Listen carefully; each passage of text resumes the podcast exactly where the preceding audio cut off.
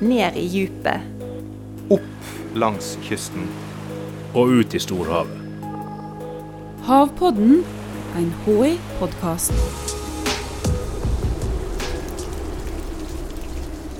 Vi som bor i Norge, vi er ganske opptatt av været. Og det er kanskje ikke så rart, vi veit jo hvor vi bor.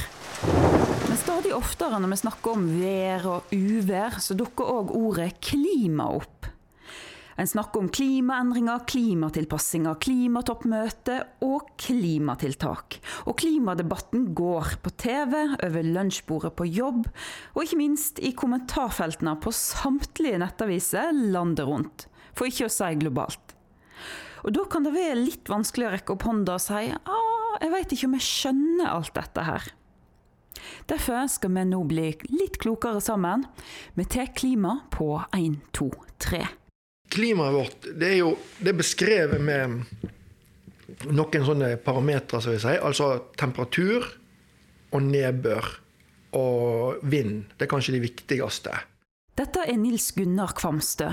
Han er havforskningsdirektør og professor i meteorologi. Han har jobba med klimamodeller i mange år. Klima er sånn enkelt forklart gjennomsnittsværet. Eh, så, så f.eks. hvis du tar klimaet de siste 30 Det er ofte 30 års bolker det går i da, når en skal sammenligne eller se på utviklinga og sånn. Men en kan òg ta, eh, ta eh, klima over 100 år. At en tar gjennomsnittsverdien på en plass, f.eks. på en bestemt geografisk plass, og så ser en alle målingene som går dag til dag, og så eh, lager en gjennomsnittsverdien over la oss si 100 år. Og da er det, god, da er det et godt eh, mål på, på klimaet på den plassen. Havpodden kan ikke droppe havet, og også her så har vi klima. Klima i havet, sånt, der, er, der har vi temperatur. Eh, og akkurat som i atmosfæren så kan vi lage eh, klimaverdier, eller gjennomsnittstemperaturer, for for havet der vi har målinger, og så kan vi bruke modeller til å estimere klimaet der vi ikke har målinger. Så for å summere opp. Været det er det du ser ut av vinduet ditt, og det endrer seg fra dag til dag. Klimaet er det typiske været, et gjennomsnitt over gjerne flere tiår. Og nå er altså dette klimaet i endring, og endringene er menneskeskapte. Men hvordan veit vi det? For været det har jo variert før òg. Det er sånne spørsmål som forskere og meteorologer får. Eh, for at ja, jeg eh, husker at det var jo veldig kaldt eh, sånn og sånn, eller det var veldig varmt da og da, og hva, hva er dette? Hvordan kan jeg vite at dette har med er menneskeskapt?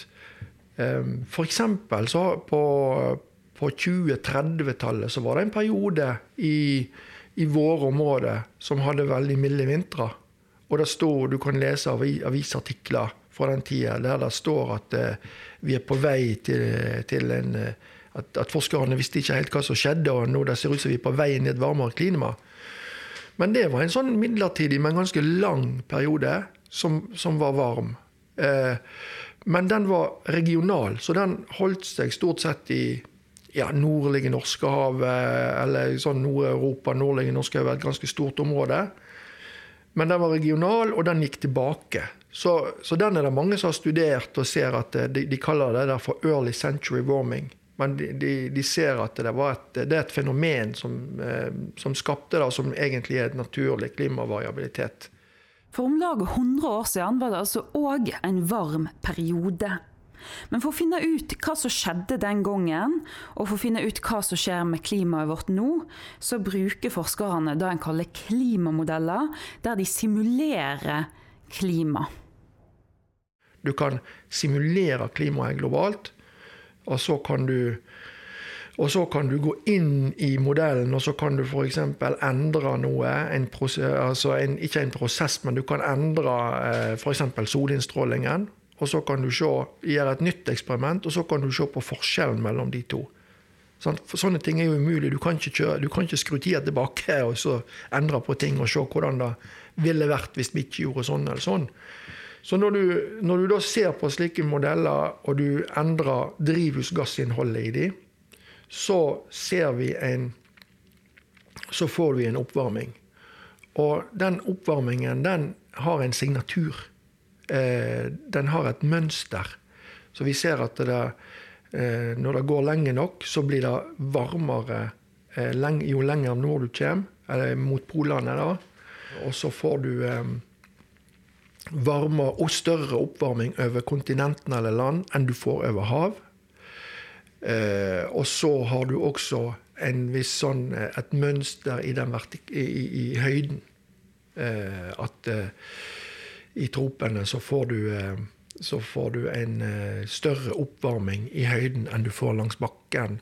Og det er sånne typiske trekk, eller signaturer som vi kaller det, som er knytta til global oppvarming. Eller til menneskeskapt oppvarming pga. økt drivhusgassinnhold. Sånn at den, så Jeg snakket om i stad, den her eh, early century warming, som var en stor oppvarming i et ganske stort område, den var regional. Og, eh, eh, som jeg sa, men over et stort område, riktignok.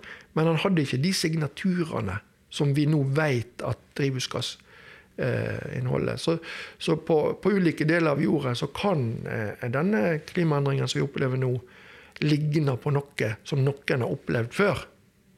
Men det er ikke den signaturen. Og skurken som får klimaet til å endre seg, er en gass. Den heter CO2.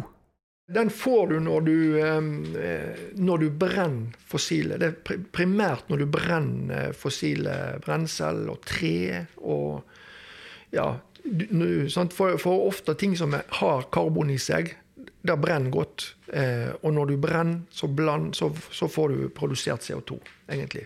Så det er den største kilden til, eh, til CO2. Og så tar jo, eh, eh, tar jo eh, den naturlige vegetasjonen og havet og livet i havet og livet på jorda tar opp De bruker jo CO2 når du puster, ikke sant? Plantene, fotosyntesen og sånn. Men alt livet har jo på en måte vært tilpassa en annen situasjon enn det vi er inne i nå. Det har jo vært endringer i i uh, langsomme endringer i CO2-innholdet i atmosfæren tidligere. Men uh, de er så langsomme, slik at uh, alt livet har hatt god tid til å tilpasse seg disse mindre og langsomme endringene. Så, så, det vi gjør i dag, er jo egentlig et sånt eksperiment som jorda og livet på jorda ikke har vært utsatt for før. Og når vi nå veit alt vi veit om klima og klimaendringene, hvor går veien videre da, nå i 2022? Nå eh, er vi jo fremdeles inne på en, en, en, utvikling som bare vil akselerere hvis en ikke gjør noe. Og, og det er jo tiltakene og, og sånn som jeg bekymrer meg litt for nå, at vi ikke er i stand til som samfunn å ta de grepene som skal til for å komme i, i mål i forhold til, de, i, i forhold til Paris-målene, f.eks. De er jo veldig ambisiøse. Der har en satt, eh, satt veldig, veldig ambisiøse mål eh, om å begrense oppvarmingen til mellom 1,5 til 2 grader. Og Det betyr jo at vi må halvere CO2-utslippene våre til 2030. Og vi må i 2050 så må vi har netto null, eller til og med sågar at vi har mekanismer som gjør at vi kan trekke ut CO2 av lufta. Og, og, ehm, og, det er vanskelig å se for seg hvis en tenker på eh, den handlekraften som vi har hatt, eller mangelen på som vi har hatt fram til i dag. Så det bekymrer meg litt. Det viktigste tror jeg er at eh, vi forstår så mye av mekanismene i klimasystemet, og vi er i stand til å lage så gode framtidsscenarioer at, eh, at, de må bli tatt på alvor. Det er de vi må bruke. Eh, det, er det beste redskapet og estimatet vi har for å forestille oss hva som vil skje framover i tid. Så det å bruke tid på å så tvil og si at ja, nei, det er bare modeller, eller de er ikke helt riktige, så er det så mye informasjon i dem som vi må ta på alvor, og som må ligge til grunn for en god del av de beslutningene vi skal ta. Det er på tide å handle. Det er på overtid å handle. Havpodden er en podkast fra Havforskningsinstituttet. Jeg heter Stine Hommedal og jobber her. Teknisk produksjon og lyddesign var det Febril Film som sto for. Og du, du hører snart igjen.